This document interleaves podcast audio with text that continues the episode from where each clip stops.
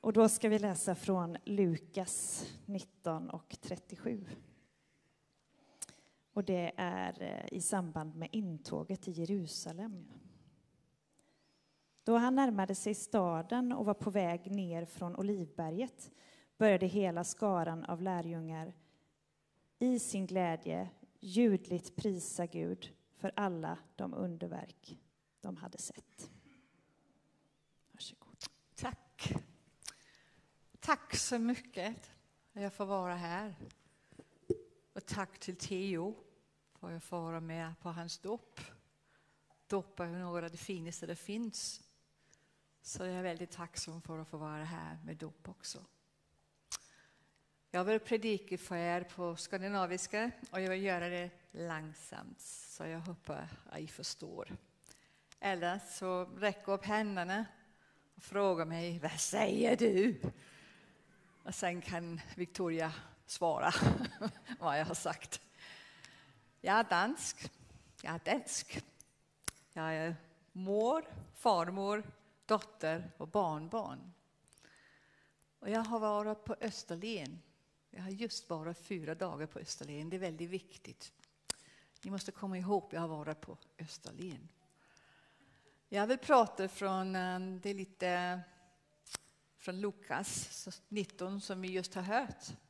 Jesus är på väg till Jerusalem. Han vet att han ska dö. Men det vet de andra inte. Nu läser jag på dansk. Da han allerede närmade sig vejen ned af Oliebjerget, begyndte hele discipleskaren glad at prise Gud med høj røst for alle de mægtige gerninger, de havde set. Det är dansk. Jag förstår det bättre, jag pratar lite skandinaviska. Vi vet att alla de mäktiga gärningar som Jesus har gjort, vi tänker på dem som alla de stora exceptionella gärningar, helbredelserna. De är helt särskilda situationer och Jesus har gjort någonting stort och särskilt vackert. Som när han uppväckte Lazarus från de döda från graven och där han helbredde den ena och den andra. Som, och han gjorde väldigt stora saker. Det som ni på svensk kallar kraftgärningar. Men jag vill gärna berätta en liten historia från Österlen. Jag har varit på Österlen. Den är helt sann, för jag var där. Och det var också kraftgärningar. Varje morgon, ungefär klockan åtta, så kom de vandrarna och cyklarna. Välkommen åter, välkommen Theo och tack. Klockan runt ungefär åtta varje morgon så kom de vandrarna och cyklarna i vita stora roper, ungefär den som vi just har sett Theo ha på. Och vinden blåste i det hår, men de var väldigt målfasta, målvetna, fasta i deras tro. Detta kommer att gå bra. Och de mötes där, de träffas på molen, på hamnen i Skillinge. Längst ut där. En av dem, vi kan kalla henne Tony, och det heter hon, det vet jag för jag var där. Hon var väldigt nervös, hon var inte som de andra. Hennes tro var väldigt liten. Tron på Gud, men också tron på sig själv. Hon vågade inte. Ville hon drunkna i djupet? Eller hon försvinna? Vill hon bli gripen av stor frukt av ångest? Men hon tog av sig badrocken och stod frusen med bara fötter på betongen. För första gången i sitt liv ville hon försöka, det ville hon pröva. Något hon inte har försökt förut. Sen kom en annan kvinna, vi kan kalla henne Kerstin, för det hette hon faktiskt. Och jag vet det för jag var där på Österlen. Och Kerstin säger, låt mig gå först. Du skall inte oroa dig. Har vi ingen oro, ingen bekymring. Hon sång inte, men nästan. Titta på mig, lita på mig, sa Kerstin. Så Kerstin gick till trappstegen, gick ned mot vattnet väldigt långsamt och tittade på Tony. Och sen så går hon slipp och låter sig falla i det kalla, kalla, blå, blå vatten på Östersjön. Och jag vet det, det är jättekallt. Tio grader var det. Så hon simmade lite och andades väldigt, väldigt djupt. Och Tony stod där och tittade, gick till trappen, gick ner, låt så falla. Och vi tittade allihop, vi stod där och tittade på henne. Och Tony började skratta. Skrattade, skrattade. och skrattade. Det går till hovet, det går till hovet, sa hon. Och hon var lycklig. Hon hade övervunnit sin ångest. Men hon hade också känt att vattnet höll om henne, även om det var kallt. Och sen så kände hon att det gick till hovet, så hon blev förändrad i hovet.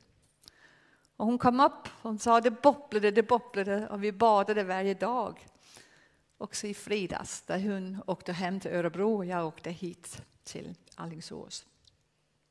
Jag tyckte faktiskt att det var kraftgärningar vi gjorde där.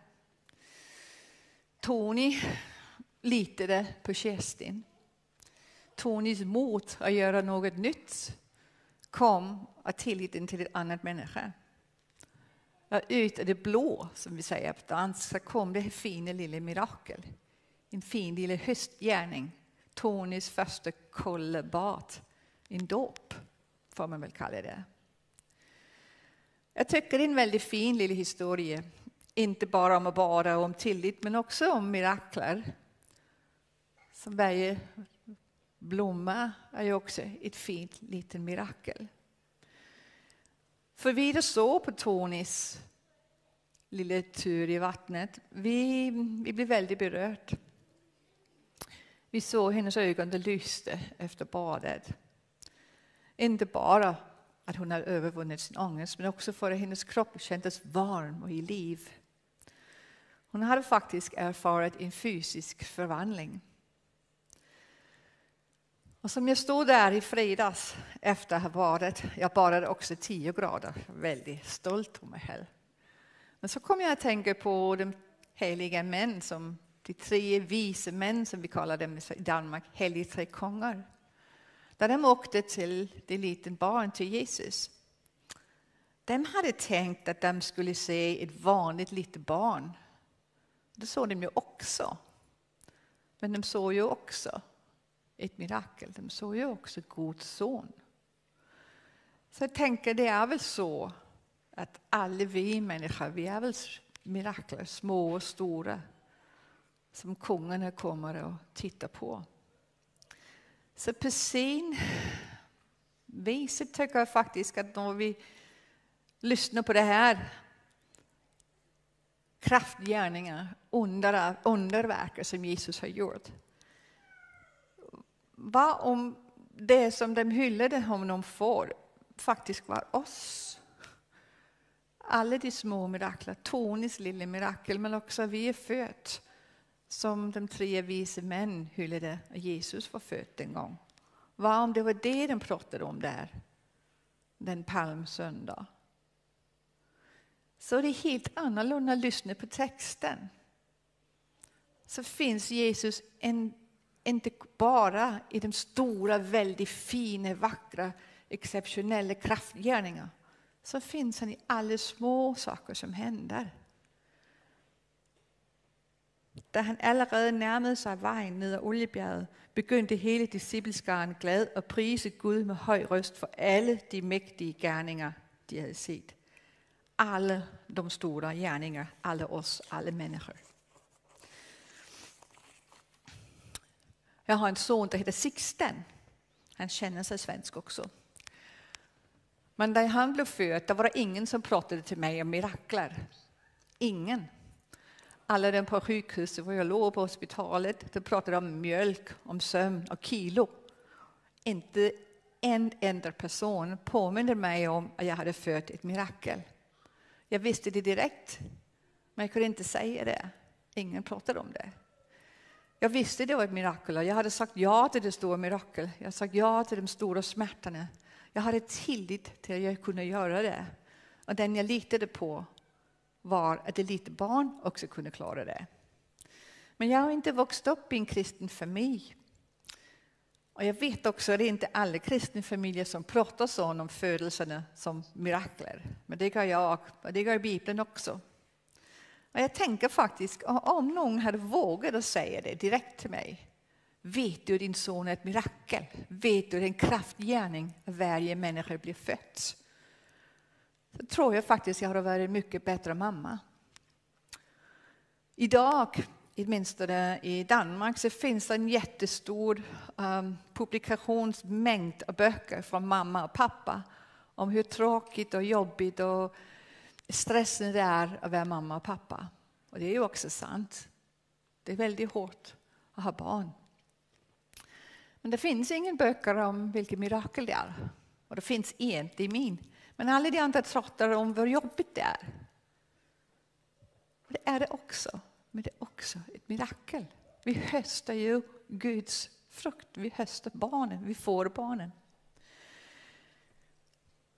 Jag vill gärna läsa bara en liten stund. Jag läser på svenska, även om det inte är korrekt svenska. Det är inte så. Men jag läser en liten bit från min bok som heter Allt jag inte vill tiga om. Från sidan 77. Det var 1998. Nej, 1988, förlåt. När jag satt där i min sjukhusskjorta och ammade för allra första gången var jag uppfylld av större känslor än jag någonsin tidigare haft. Mjölken rann till. Jag var lycklig men också förvirrad. Jag hade trott jag skulle få en formlös baby som jag skulle forma men låg här med en hel människa med utstrålning. Jag vet inte hur det kom på sig. Kanske berodde på att jag aldrig hade tittat på andra människor med samma känslomässig inlevelse. Också något som jag gjorde som mamma. Han var faktiskt inte en baby som jag hade varit med och skapat och nu skulle forma. Han var helt och hållet sin egen person. Han var redan skapad. Jag insåg mer än väl att han var ett mirakel och jag glädjes tillsammans med de andra mammorna som fått barn. Vi kunde prata om väldigt intima saker, som sår på bröstvårtorna. Och vi ropade på varandra från toaletten mitt i rummet när bindorna var slut. Men vi pratade inte om att vi alla hade en gemensam känsla av att ha båda på ett mirakel. Vi hade inte ord för att beskriva vad vi var med om där på förberedelserummet på Vidå sjukhus. Om samhällsklimatet, om vår familj, hade varit annorlunda hade vi kanske talat om att barnen fanns innan de kom till oss. Vi hade inte skapat dem. Jag hoppas jag har sagt det till mina barn.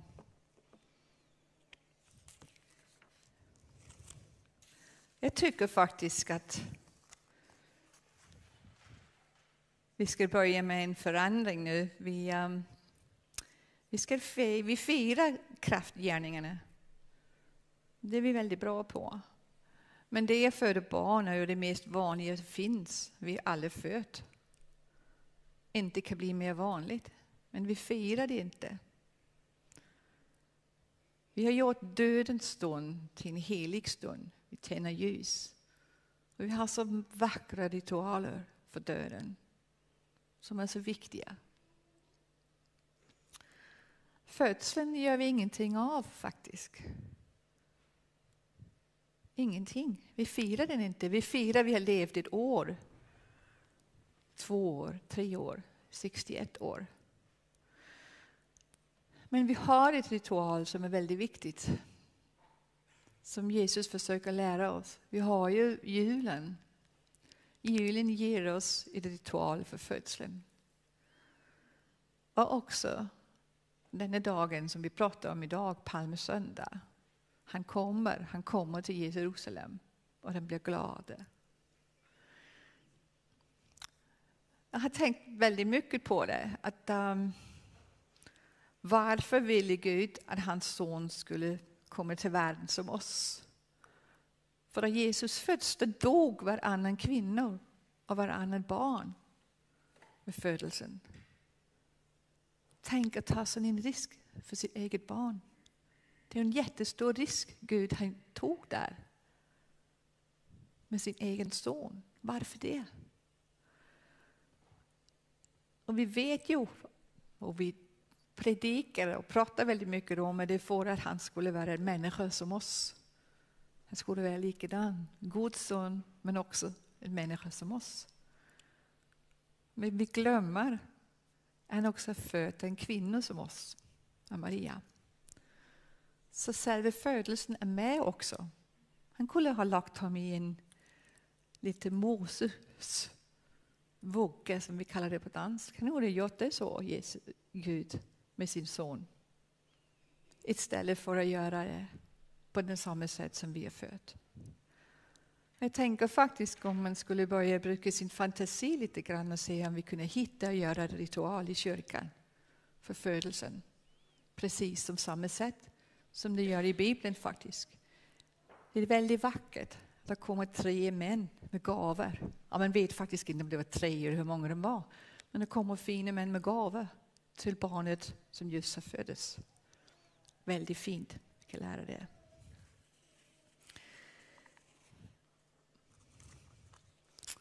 Jag um,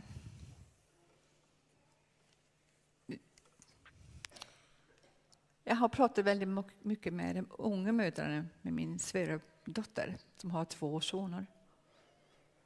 Och de är väldigt stressade och väldigt trötta.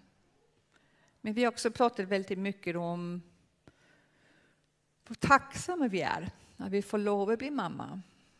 Och också om det nästan är, jag vill inte säga förbjuden, men det är inte en tacksamhet som vi pratar så mycket om. Vi pratar om att få barn som en rättighet. Vi pratar om det som att det är något som man kan planera, något man kan få när man vill och något som hör sig till att få. Men det är det ju inte, det är en gava. Och det är helt annorlunda att titta på barn som gaver än som något man kan planera och få när man vill ha det. Som att spara upp till ditt hus. Nu säger jag det lite hårt. Men det var ett väldigt stort steg för mig där jag fick veta att jag var 25 år och jag inte kunde få barn. Jag var faktiskt 21. Och sen så gick det faktiskt fyra år för jag fick barn. Så det var en tacksamhet som var otroligt stor, att det var en gåva att få de barnen. Där jag förlorade en av mina söner, den yngste sonen som tog sitt eget liv, så skulle jag leva med en gåva inte fanns här längre. Men den enda känslan jag hade just där polisen sa att han inte levt mer, så var det var tacksamhet. Det känns ju inte så... Det är ju inte en känsla man kan tänka sig till. Man kan inte planera att känna tacksamhet när man står och har förlorat sin son. Det är inte något som människor planerar. De kan tänka sig till att de vill, följa, de vill vara väldigt arg på Gud och självklart känna jättestor smärta. Men jag känner jättestor smärta men jag känner också väldigt stor tacksamhet att jag har haft min son i 22 år. Jag vill gärna ha haft honom här nu. Men tacksamheten ligger i botten av allting som jag gör och som jag är. Det är inte något som jag kan tänka mig till. Det är inte en logisk tanke som jag bygger upp eller som jag um, berättar för mig själv. Nu ska du känna tacksamhet. Det är inte så. För när man står i den djupaste smärta så tänker man inte. Så känner man bara. Så existerar man bara som den man är. Och det är i tacksamhet. En av dem jag har pratat väldigt mycket med på Österlen, jag har varit på Österlen, det är ju Britta Hermansson som ni också känner, som är pastor i Ekumeniakyrkan. eller evangelist. Vi pratade väldigt mycket om vår ålder, vi precis, har precis samma ålder. Och hon har skrivit en bok som heter Mogna vackert. Och den pratade vi också mycket om, den var väldigt viktig för mig. Och vi hade också väldigt skoj, vi var ju på Österlen och de har ju äpplen överallt. Så vi blev till de mogna äpplen. de gamla damerna det gick runt där, Britta och jag. Men jag tänker faktiskt att det var väldigt fint att mognas. Alla oss som stod på hamnen och badade och såg på Tony som blev född på ny, som blev döpt igen i det kalla vattnet. Vi, vi har levt mycket, levt många år och vi har ju väldigt stora smärtor när vi har levt med också unga har också stora smärtor. Men när man är 61 så kommer det många människor man har mistat. Många sörjer. Och hur lever man med det? Och då vet vi att det enda sätt vi kan leva med det på det är tacksamhet över det som är. Och jag säger inte det är lätt, för det är det inte. Men jag säger att det är viktigt att om man har det, så hitta det i sig och så försöka lysa upp det. Och stanna kvar. Jag har pratat mycket om att stanna kvar de här dagarna här. Men det är också viktigt att hitta där var man vill stanna kvar och så lära sig själv att stanna kvar i tacksamheten. För vi har ju all tacksamheten, tacksamheten, men den är inte alltid så stor. Det är därför vi påminner oss om det nu med alla blommorna och frukterna. Vi påminner oss själva och varandra om tacksamheten. Så um, jag är väldigt, väldigt tacksam för att jag fick komma hit till um, Alingsås igen i underbara människor. Och um, jag tycker det ibland kan kännas så lite, vad ska man säga, som om man vill planera sitt eget liv och säga att man ska komma ihåg tacksamheten. Men det är det inte, för tacksamheten finns i oss. Det är inte en konstruktion, den finns. För vi är född när vi vet att vi är Guds barn. Så, man bara, så har man tacksamheten där, så kan man gå dit och stanna kvar. Och det är det jag gör. Så tack för er. Och tack för att jag får vara här.